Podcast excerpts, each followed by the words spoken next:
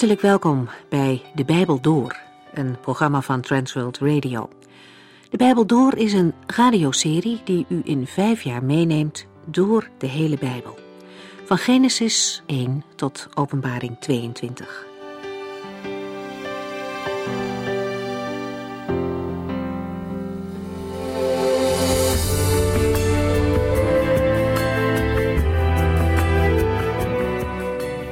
Gaan vandaag verder met de studie over het Matthäus-evangelie.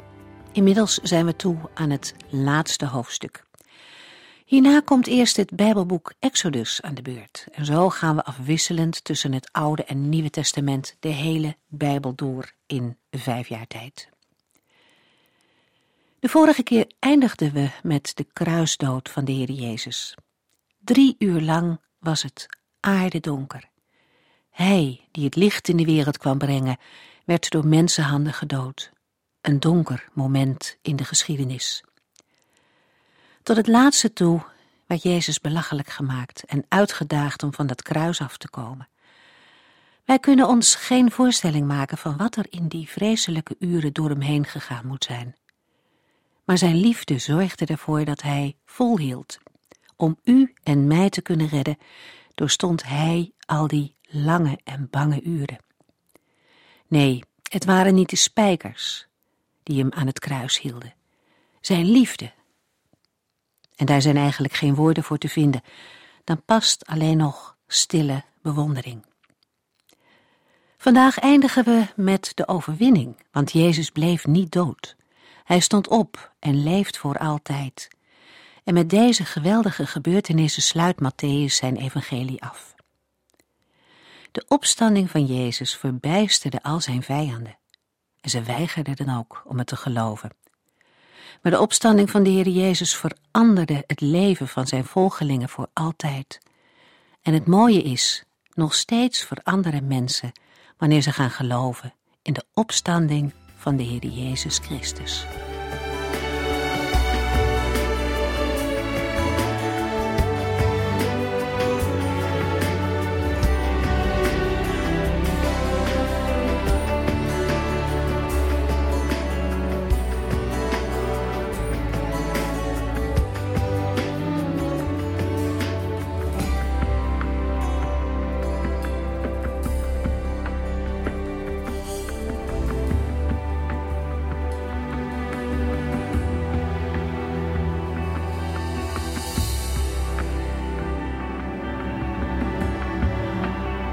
De vorige uitzending zijn we geëindigd met een beschrijving van het sterven van Jezus.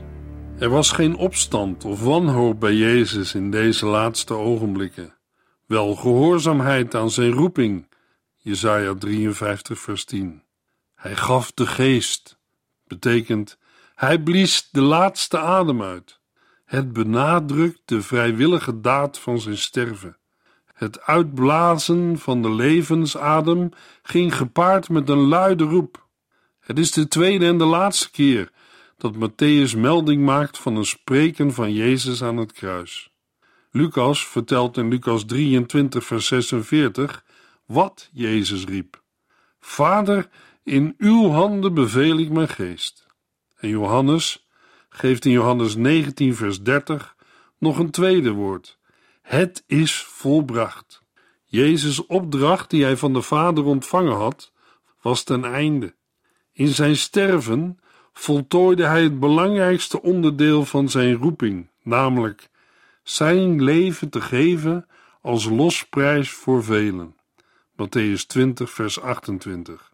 In deze uitzending gaan we verder met de gebeurtenissen die na het sterven van de Heer Jezus gebeurden. Matthäus 27, vers 51 tot en met 56. Op hetzelfde moment scheurde het zware gordijn voor de heilige plaats in de tempel van boven naar beneden in tweeën. De aarde sidderde en de rotsen scheurden. Graven gingen open en vele gelovige mannen en vrouwen die gestorven waren, werden weer levend. Na de opstanding van Jezus verlieten zij de begraafplaatsen en gingen naar Jeruzalem. Daar werden zij door vele mensen gezien. De commandant en zijn soldaten die bij het kruis waren, schrokken vreselijk van de aardbeving en alle andere dingen die er gebeurden. Deze man was werkelijk de zoon van God, riepen ze uit. Een groep vrouwen stond op een afstand te kijken. Zij waren met Jezus meegekomen en hadden voor hem gezorgd. Onder hen waren Maria van Magdala, Maria de moeder van Jacobus en Jozef en de moeder van Jacobus en Johannes, de zonen van Zebedeus. Matthäus vermeldt in het vervolg een aantal tekenen die plaatsvonden aan het einde van de drie uur durende duisternis, op het moment van en direct na de dood van Jezus. In de eerste plaats scheurde het voorhangsel van de tempel van boven naar beneden.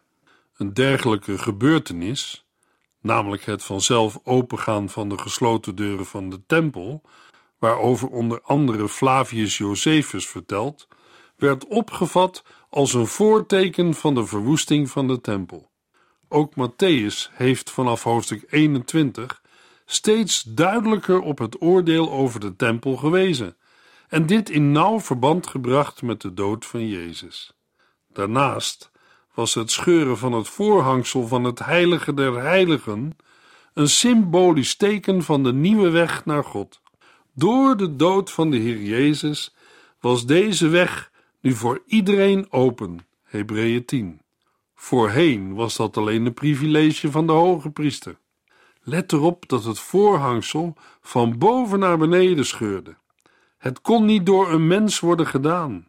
Het gordijn verbeelde het lichaam van Christus toen zijn lichaam aan het kruis werd verscheurd, toen hij voor al onze zonden had betaald, werd de nieuwe weg naar Gods aanwezigheid geopend. Wij mogen nu, via Christus, direct naderen tot de troon van Gods genade. Het laat zien dat de enige weg naar God alleen via zijn Zoon Jezus Christus mogelijk is. Er is maar één God en er is maar één bemiddelaar tussen God en mensen, de mens Jezus Christus, die voor die bemiddeling zijn leven heeft gegeven. 1 Timotheus 2 vers 5. De aardbeving, het scheuren van de rotsen en het opengaan van de graven staan in nauw verband met elkaar. Waarschijnlijk waren de laatste twee een gevolg van de aardbeving. Door de Joden zal de aardbeving als een teken van Gods oordeel zijn begrepen. Maar, net als de duisternis en het weer levend worden van gestorvenen, getuigde het splijten van de rotsen ook van de eschatologische betekenis van Jezus kruisdood. Zacharia 14 vers 4. Het kruis van Jezus markeert het begin van een nieuwe tijd. De Romeinse commandant die alles zag gebeuren zei, naar Marcus 15 vers 39, deze man was beslist een zoon van God. Matthäus 27 vers 57 tot en met 61. Bij het invallen van de avond ging een zekere Jozef van Arimathea, een rijk man en leerling van Jezus, naar Pilatus toe. Hij vroeg hem om het lichaam van Jezus. Pilatus zei dat hij het mocht hebben. Jozef nam het lichaam en wikkelde het in nieuw schoon linnen. Daarna legde hij het in een nieuw graf dat hij pas in de rotsen had laten uithakken. Hij rolde een grote steen voor de ingang en ging weg. Maria van Magdala en de andere Maria zaten tegenover het graf. Tot op deze gebeurtenis hebben wij niet geweten dat Jozef van Arimathea een volgeling van de Heer Jezus was. Het is interessant om te zien dat de gebeurtenissen rond het lijden en sterven van de Heer Jezus zijn leerlingen verstrooiden, maar dat anderen nu in de openbaarheid komen. Jozef van Arimathea kwam tevoorschijn en liet zien dat hij een volgeling van Jezus was.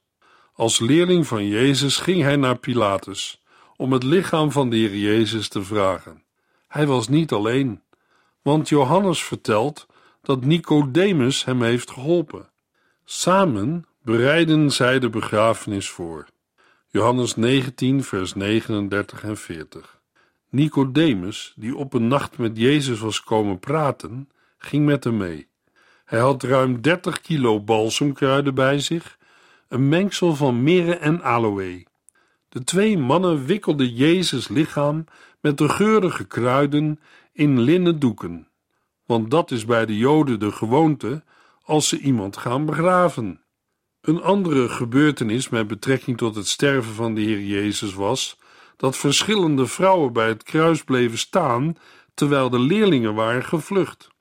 Matthäus 27, vers 62 tot en met 66. De eerste dag van Pesach, het Joodse paasfeest, was voorbij. De leidende priesters en de fariseeën gingen naar Pilatus en zeiden: Excellentie, die bedrieger heeft eens gezegd: Op de derde dag na mijn dood zal ik weer levend worden. Daarom willen wij graag dat u het graf drie dagen laat bewaken. Anders zouden zijn leerlingen zijn lichaam wel eens kunnen weghalen en rondvertellen dat hij weer levend is geworden.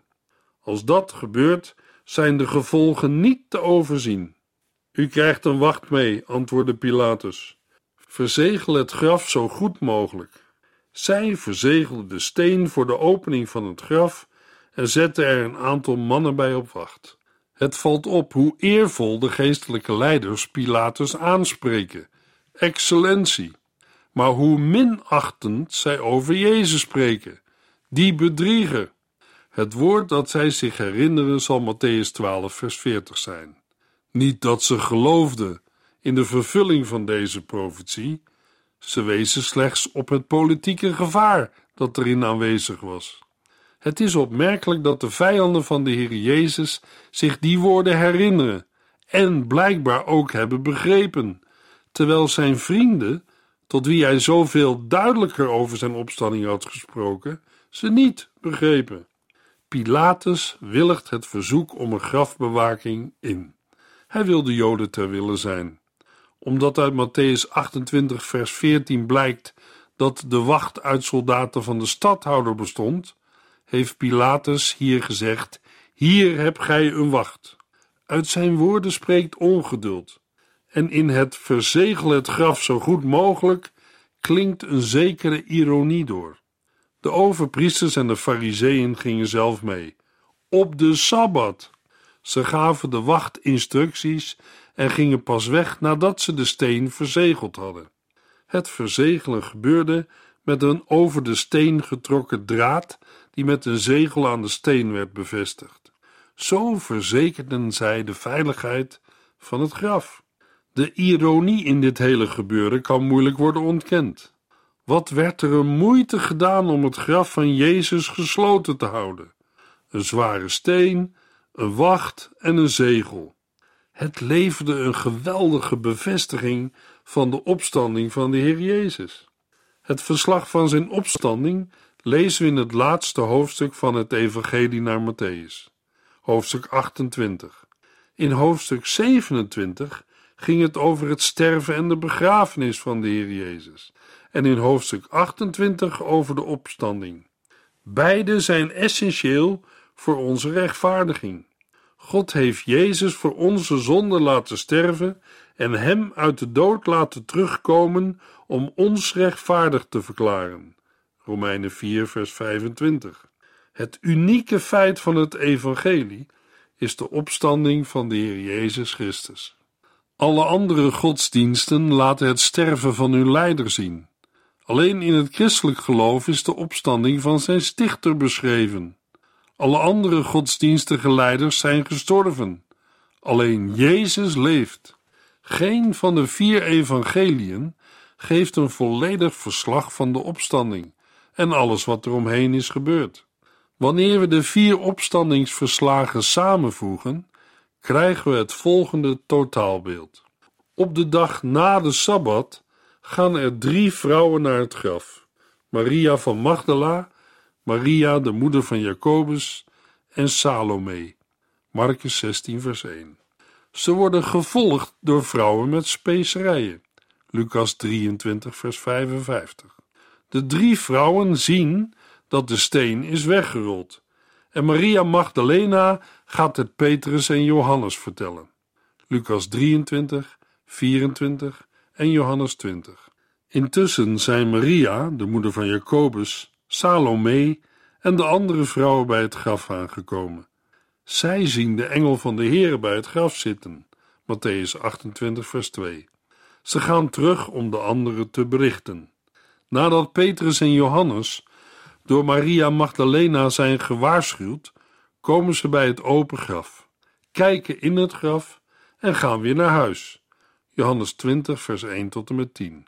Ook Maria van Magdala keert bij het graf terug.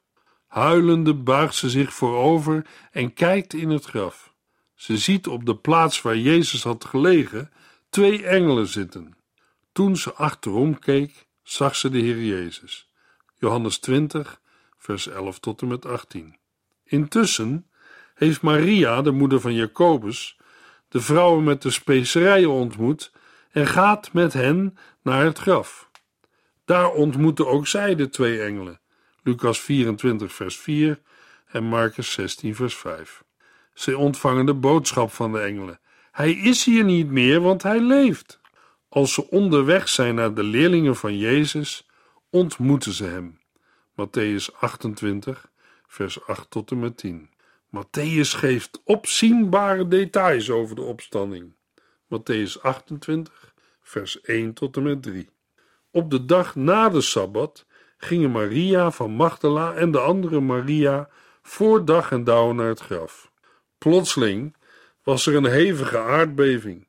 Een engel van God kwam uit de hemel, rolde de steen opzij en ging erop zitten. Zijn gezicht schitterde als de bliksem en zijn kleren waren zo wit als sneeuw. Matthäus 28, vers 4 tot en met 10.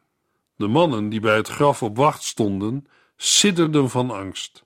Zij vielen op de grond en het leek wel of ze dood waren. De engel zei tegen de twee vrouwen: U hoeft niet bang te zijn, ik weet dat u Jezus zoekt, die gekruisigd is. Maar hij is hier niet meer. Hij is weer levend geworden, zoals hij had gezegd.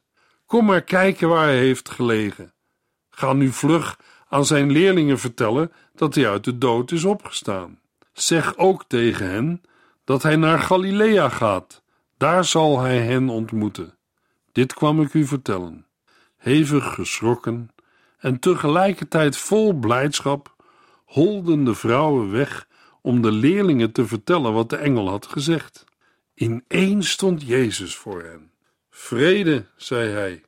Ze vielen voor hem neer, omklemden zijn voeten en keken vol ontzag naar hem op.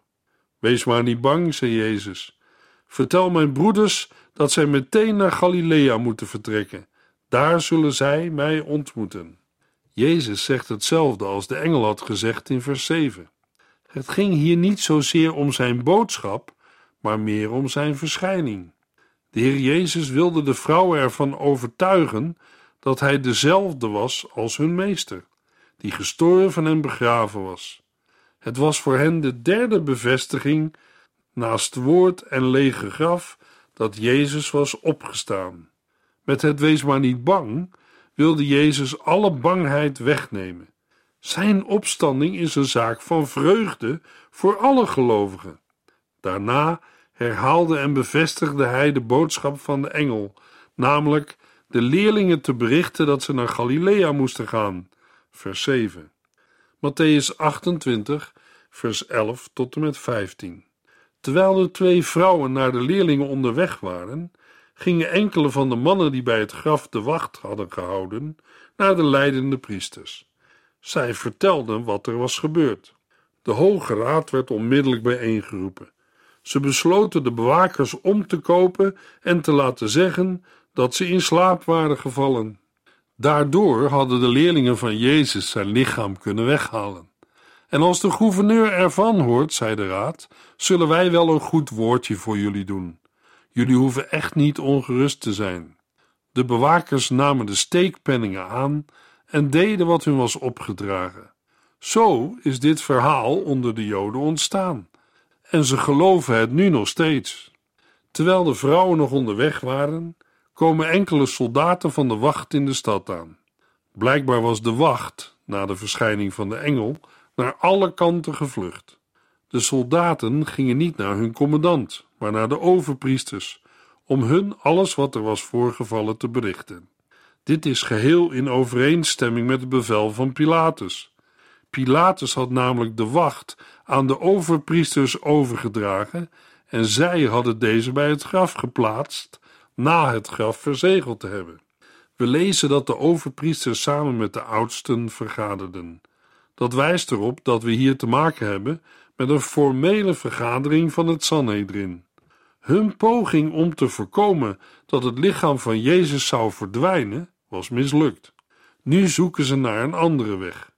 De Hoge Raad besluit om de soldaten door omkoping een leugen te laten vertellen. Vers 13. Wij moeten hieruit niet de conclusie trekken dat het Sanhedrin het verhaal van de soldaten geloofde. Het was hun er alleen maar om te doen het verhaal dat het lichaam van Jezus was verdwenen uit de wereld te helpen. Dit in verband met het effect dat het bericht zou hebben op het volk. Matthäus 27, vers 64 zegt: Als dat gebeurt, zijn de gevolgen niet te overzien. De bewakers kregen veel geld.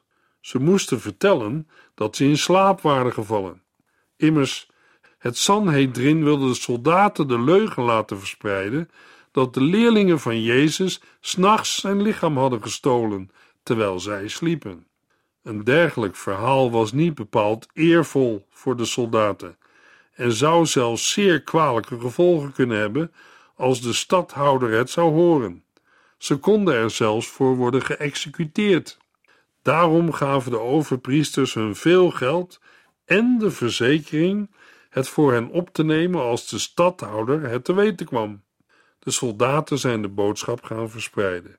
Zo werd dit leugenachtige verhaal doorverteld onder de Joden tot op de dag van vandaag. Dat wil zeggen, de tijd waarin Matthäus zijn evangelie schreef. Matthäus 28, vers 16 tot en met 20. De elf leerlingen gingen naar Galilea, naar de berg waar ze Jezus zouden ontmoeten. Toen ze hem daar zagen, vielen zij voor hem neer maar sommigen wisten niet wat zij ervan moesten denken. Jezus kwam dichterbij en zei tegen hen: Ik heb alle macht in hemel en op de aarde gekregen. Ga er daarom op uit om alle volken tot mijn leerlingen te maken. Doop hen in de naam van de Vader en van de Zoon en van de Heilige Geest. Leer hen altijd te doen wat ik u heb gezegd. En vergeet dit niet: ik ben altijd bij u tot het einde van de tijd. De elf discipelen, Judas was er niet meer bij, gingen naar Galilea, zoals de engel en Jezus hun gezegd hadden. De Heere wilde de opdracht in Galilea aan zijn volgelingen meedelen. Dat geeft aan dat het onderwijs van de opgestane Heere niet verandert, maar juist wordt voortgezet. Dat wordt bevestigd met de woorden Leer hen altijd te doen wat ik u heb gezegd. Toen de leerlingen Jezus zagen, vielen ze in aanbidding voor hem neer. Het neerknielen is hier het tegenovergestelde van twijfelen. Het is een eerbetoon en sluit het geloof in. Sommigen wisten niet wat zij ervan moesten denken. Deze reactie geeft aan hoe onbegrijpelijk en goddelijk het hele gebeuren rond de opstanding is geweest. Opvallend is wel dat zowel zij die twijfelen als zij die geloven, Jezus opdracht en belofte hebben ontvangen. Ik heb alle macht, dat wil zeggen volmacht, autoriteit, in hemel en op aarde gekregen, namelijk van God. Woorden die duidelijk herinneren aan Daniel 7, vers 14. En hem, iemand gelijke mensenzoon, werd heerschappij gegeven en eer en koninklijke macht en alle volken, natieën en talen dienden hem. Zijn heerschappij is een eeuwige heerschappij. De mensenzoon, die vernederd werd en moest lijden, ontving nu van God universele en eeuwige heerschappij. Naar de profetie van Daniel werd Jezus nu verhoogd en aangesteld als heerser en rechter van de wereld. Over deze verhoging heeft Jezus tijdens zijn leven verschillende keren gesproken. Nu blijkt dat zijn verhoging met zijn opstanding is begonnen. In Christus is de toekomst al begonnen. De opdracht in vers 19 is een gevolg van Jezus' nieuwe positie. Nu is er een nieuw tijdperk begonnen, waarin ook de volken zullen delen in het heil van de Messias. Met de verhoging van Jezus en de verkondiging van het evangelie aan de heidenen beginnen de oud-testamentische profetieën zich te vervullen. Maar hun definitieve vervulling zal pas plaatsvinden met de wederkomst van Christus. Jezus sluit zijn korte toespraak af met een belofte: Ik ben altijd bij u tot het einde van de tijd. Met dit laatste bedoelt Jezus de periode vanaf zijn opstanding tot aan het einde van de tegenwoordige wereld bij de komst van de mensenzoon in heerlijkheid. Deze opdracht van de Heer Jezus kan tot eenzijdigheden leiden. Het ene uiterste is dat men de grote opdracht als de enige opdracht aan de gemeente van Christus ziet. Het andere uiterste is dat men de grote opdracht beperkt tot de tijd van de leerlingen van Jezus. Dan zou het vandaag niet meer bij het programma van de kerk horen. Ik denk dat beide opvattingen onjuist zijn. De opdracht in Matthäus moet worden gezien in samenhang met de andere evangeliën en in het bijzonder met het Bijbelboek Handelingen. In Handelingen 1, vers 8 lezen we: Maar als de Heilige Geest op jullie neerkomt, zullen jullie kracht ontvangen om de waarheid over mij te vertellen aan de mensen in Jeruzalem en ook in Judea en Samaria en zelfs tot in de verste uithoeken van de wereld. De gemeente van Christus en iedere individuele gelovige is geroepen een getuige van Christus te zijn. Daarvoor zullen zij kracht ontvangen van boven, de Heilige Geest. De Heere belooft altijd bij ons te zijn, tot het einde van de tijd. In Zijn kracht kan de grote opdracht van de verbreiding van Zijn evangelie worden uitgevoerd. Daarmee eindigt het evangelie van Matthäus. En in de volgende uitzending gaan we terug naar het Oude Testament en maken we een begin met het Bijbelboek Exodus.